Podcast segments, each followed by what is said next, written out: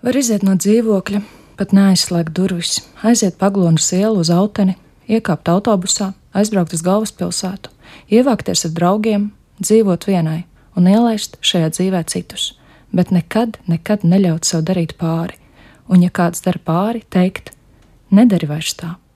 Var bet tur zem krēsla raud bērns. Tā sākas viens no dzējoļiem, kas publicēta grāmatā Neviens tev neticēs. To lasa dzēniece Ligija Purināša, bet es nezinu, vai tas ir viņas vai kāda cita autora darbs. Un tas ir viss, ko tu negribi atcerēties, un viss, ko tu gribi mainīt. Jo bērns nevar paglonas ielu aiziet uz auteni, un šeit ir pieaugušais, kas nevar bērnu pavadīt.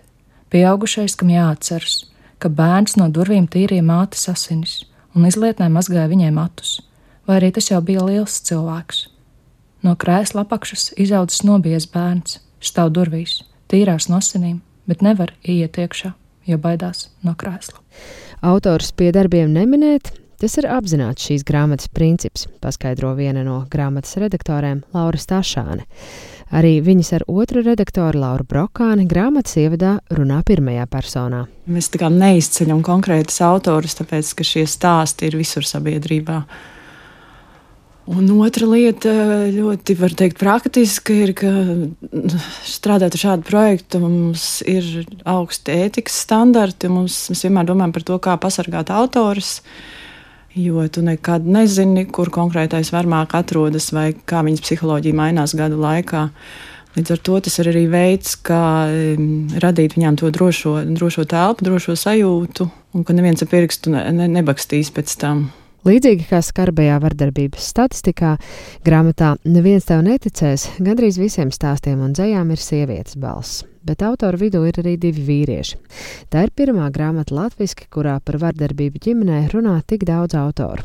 Gan par partneru vardarbību, gan par vecāku un citu ģimenes locekļu vardarbību pret bērniem. Grāmatas aizsākumu meklējami pirms trim gadiem Teātra festivālā Homo Novus, kad dzima mākslas projekts Lietisko pierādījumu muzejs. Toreiz muzejs bija iekārtots kādā stilīgā dzīvoklī Rīgā, Avotielā, kur mani sagaidīja projekta autors Laura Stašāne un choreogrāfe Jāna Jācuka. Mums bija skaidrs, ka mēs gribam dzīvokli, jo tā ir lieta, kas notiek mājās un dzīvokļos aiz slēgtām durvīm. Un tāpēc to mēdz dēvēt par ģimenes lietu. Jā, ģimenes noslēpumu. Tur neviens nedrīkst iejaukties. Un, un arī mēs gribējām dzīvokļus rīstus, kas parāda to, ka arī perfektā vidē tas notiek arī perfektā vidē. Savus stāstus projekta dalībnieki stāstīja caur priekšmetiem, ko nevarētu izmantot kā lietiskos pierādījumus tiesā, bet kas bijuši vardarbības liecinieki. Krūzīte, no kuras uzšļākta karsta tēja, atņemtas dzīvokļa atslēgas, ķēdes, ar kurām bēgt no emocionāli vardarbīgām attiecībām. Uz vānas malas nolikti auskari. Te vēl kāds fragments no Lauras Stašānas toreiz stāstītā. Nu, šie ir iesūtītie stāsti, tas ir precīzs citāts, precīzs teksts, kā mums atsūtīja dalībniece. Viņai ir kopīgi bērni ar bijušo vīru, kurš bija pret viņu varmācīgs, un arī pēc tam, kad viņa jau dzīvo atsevišķi un viņa ir nošķirta no varmākas, viņiem ir tikšanās kafejnīcā, un viņš vienā brīdī sadusmojas un momentā iegāž viņai pa galu tā, ka noģingst, un kafejnīcā esošie vīrieši viņu aiztur, un viņa atkal paliek principā tieši turpat, kur viņa ir līdz tam bijusi. Jā, un stāsts ir par viņas auskariem, kuri viņai tajā brīdī bija ausīs. Viņa tikai mājās ieraudzīja, ka vienam auskaram kājiņa ir iztaisnojusies no tā trieciena pa galvu. Viņa nevar vairs saņemties tos atkal nesāt. Stāsts par auskariem tagad iekļauts arī grāmatā Neviens tev neticēs. Tās ideju aizsāka 24 stundu stāstu lasījumi lietisko pierādījumu muzeja noslēgumā, kas turpinājās gan labdarības maratonā Dod 5, gan pēc gada punktum literatūras festivālā. Toreiz dokumentālo stāstu autors pirmoreiz satikās ar latviešu dziniekiem, stāsta Laura Stašāne. Mēs lietisko pierādījumu muzeju veidojam. Tas bija mākslas projekts. Es zinu, ka mums daudz cilvēki arī teica, ka tas drīzāk ir sociāls projekts, bet eh, nu, mēs katrā ziņā viņu uztverām kā mākslas projektu. Līdz ar to tā dzīslas valoda likās pilnīgi nu, dabisks, kaut kāds turpinājums. Un es atceros, ka mums bija arī komentārs no apmeklētājiem, ka tā izstāde ir tā kā dzējolis. Nu, es to tagad tikai savilku kopā, ka tādi komentāri jau bija. Jo mums tie stāsti, kas bija atlasīti izstādē, līdz ar priekšmetiem bija ļoti bieži, ļoti īsi un koncentrēti. Tā ka tur trijos teikumos pateikt visu tā pieredzi, kas liekas neiespējama, bet izrādās ir iespējams. Un arī es domāju, tajā gan veidā, kā mēs taisījām toreiz lietas, ko pierādīja muzeja izstādi, gan šajā dzīslas grāmatā mums bija ļoti svarīgi, ka mēs par šo tēmu runājam ar maigumu. Ka tas nav tikai skarbi un sāpīgi, bet tā ir arī sievietes pasaule, kas, diemžēl, ir domāju, pazīstama gandrīz ikvienai sievietei. Ļoti daudzām līdz varbūt neaiziet līdz tik sāpīgiem pārdzīvojumiem, bet es domāju, jebkura var piekrist kādam no stāstiem un teikt, jā, es zinu, es to pati zinu. Un tas arī ir mans stāsts. Jo es sapratu, ka es šo stāstu pazīstu tajā brīdī, kad sāk aizvien vairāk tie stāsti parādīties. Es, nu, man bija skaidrs, ka jā, es arī, es arī zinu, ko tas nozīmē. Ne tik krasā veidā, bet man šie visi šādi notikumi un izteikumi un valoda. Un tas, tas tiešām ir teikt, daļa no, diemžēl, daļa no sievietes dzīves. Pēc pusnakts izdzirdēju klauvēšanu pie guļamistabas loga. Ārā gaidīja mans draugs. Es uz pirkstgaliem aizlavījos līdz durvīm un ielaidu viņu iekšā, kamēr mana mamma gulēja. Viņš bija raudājis. Viņa tēvs jau atkal bija daudzījis māti. Viņš bija mēģinājis viņu aizstāvēt taču viņa teica, lai viņš dodas prom, līdz viss pierimst. Es ar viņu ilgi sēdēju uz grīdas, es klausījos, glaudot viņam matus. Es sēdēju tik ilgi, līdz izdzirdēju putnus, viena mašīnas grabēšanu uz ceļa. Es piecēlos un nočukstēju, ka viņam jāiet prom, pirms mamma ceļas uz darbu. Viņš man iesita, es sarāvos. Es nezinu, kāpēc tā izdarīju, viņš teica.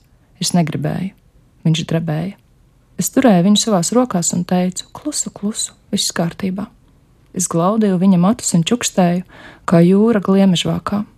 Es tukši skatījos uz nosarmojošo durvju stiklu, kurā kā ziedi atspīdēja gaisma. Citēju: Kāpēc es esmu tāds? Citāta beigas viņš jautāja. Pēc tam viņš katru reizi raudāja. Mums bija 16 gadu. Tas bija Kailijas un Džeisona gads. Mums bija blondi mati, mugurā drēbes, kas paredzētas saulainākām valstīm. Mēs bijām tik apburoši, ka visur, kur vien devāmies, sievietes teica, citēju: Ak, tā noteikti ir mīlestība! Citāta beigas. Dzēniece Ligija Purināša lasa vēl vienu no grāmatā iekļautajiem dzējoļiem, varbūt savu, varbūt kāda cita. Viņa grāmatas tapšanā iesaistījās pēc tam, kad literatūras un filozofijas žurnālam Punktum iesūtīja savu esēju ar tēmu Tur es arī. Purināša vairākus gadus pats strādājusi centrā Marta Rēzaknē. Man arī patiesībā ir, ir pieredze drusciņi strādājot vardarbības prevencijā, es apmēram arī saprotu, cik liela tā ir problēma sabiedrībā, un man gribējās arī dot to savu pienesumu tai kopējā. Kā tas vispār ir dzīs valodā runāt par šādām ļoti sāpīgām tēmām? Es domāju, ka varbūt arī ne, ne, īsti ne, ne žanram, ne formai nav tā nozīme. Galvenais ir saņemties runāt, iedrošināt, Un, ja tu arī apzinājies, ka varbūt ka tu ar to savu vienu tekstu, vai vienu runu, vai vienu esēju iedrošini citas sievietes runāt, tad tas ir ļoti daudz. Un es vienmēr arī esmu domājis par to, ka, ja tu vari ar to savu darīto darbu kaut vienu iedrošināt un palīdzēt, tad tas absolūti noteikti ir jādara. Vardarbība ģimenē ir īpaši sarežģīta, jo runa ir par mums tuviem cilvēkiem. Esot šādās attiecībās, ir daudz grūtāk pieņemt faktu, ka esi upuris. Tam līdzi nāk kauns un sevis vainošana, ko varmāks izmanto manipulācijā. Citu drosme stāstot savus stāstus ir īpaši svarīga. Un tāpēc jau nojaušot atbildi, jautāju Laurai Stašānai par grāmatas ietilpīgo nosaukumu. Neviens tev neticēs. Jā, tur tiešām ir stāsts. Tas ir teikums, ko vienai no grāmatas autorēm teica viņas draudzenes, tad, kad viņa teica, ka viņa publiski sāks runāt par piedzīvoto vardarbību laulībā pēc 20 gadiem šai laulībā. Un tad viņai draudzene vienkārši atbildēja, neviens tev neticēs jo viņas vīrs bija ļoti slavens un atzīts mākslinieks. Grāmata Neviens tev neticēs ir starptautisks projekts. Tajā apkopoti pieredzes stāsti arī no citām valstīm, kurās viesojies lietisko pierādījumu muzejs, parādot problēmas universālo dabu un pretēji stereotipiem, iespējamo klātbūtni visos sabiedrības slāņos. Grāmatu lasīt nav viegli, tomēr spēcinoši, jo tie ir arī drosmes un izraušanās stāsti nu, tur nav tikai sāpes, tur arī pilnīgi noteikti ir spēks un reizēm arī jā, maigums un triumfs. Dažādas emocijas. Tas ir ļoti svarīgi. Un es piekrītu par to dzīslu valodu, ka viņi iedod kaut kādu telpu mazliet savādāku. Un e, tas lielā mērā ir tā kā mums bija tas muzejs, kur objekti Un tie ikdienas priekšmeti, kas bija vardarbības liecinieki, viņi radīja kaut kādu savu telpu ar savu ikdienišķumu, starp to ikdienišķumu un to skarbo stāstu. Man liekas, ka tiem, jā, tiem cilvēkiem, kas nāca skatīties izstādi un līdz ar to kļuva par lieciniekiem šai vardarbībai, jo skatīšanās arī ir, jeb klausīšanās arī ir liecinieka poza, ka viņi ieguva kaut kādu telpu, kur tu apstrādāt. Mm. Tas nebija vienkārši bliežam virsū ar vissmagāko artilēriju. Vairākus gadus strādājot ar ģimenes vardarbības tēmu mākslas projektos, Laura Stašāna šodien secina, lai arī lēni, tomēr lietas pamazām mainās uz labu. Sabiedrībā par to runā atklātāk. Un varbūt arī pateicoties šai dzīslas un dokumentālo stāstu grāmatai, vārdus neviens tev neticēs, biežāk aizstās vārdi es tev ticu.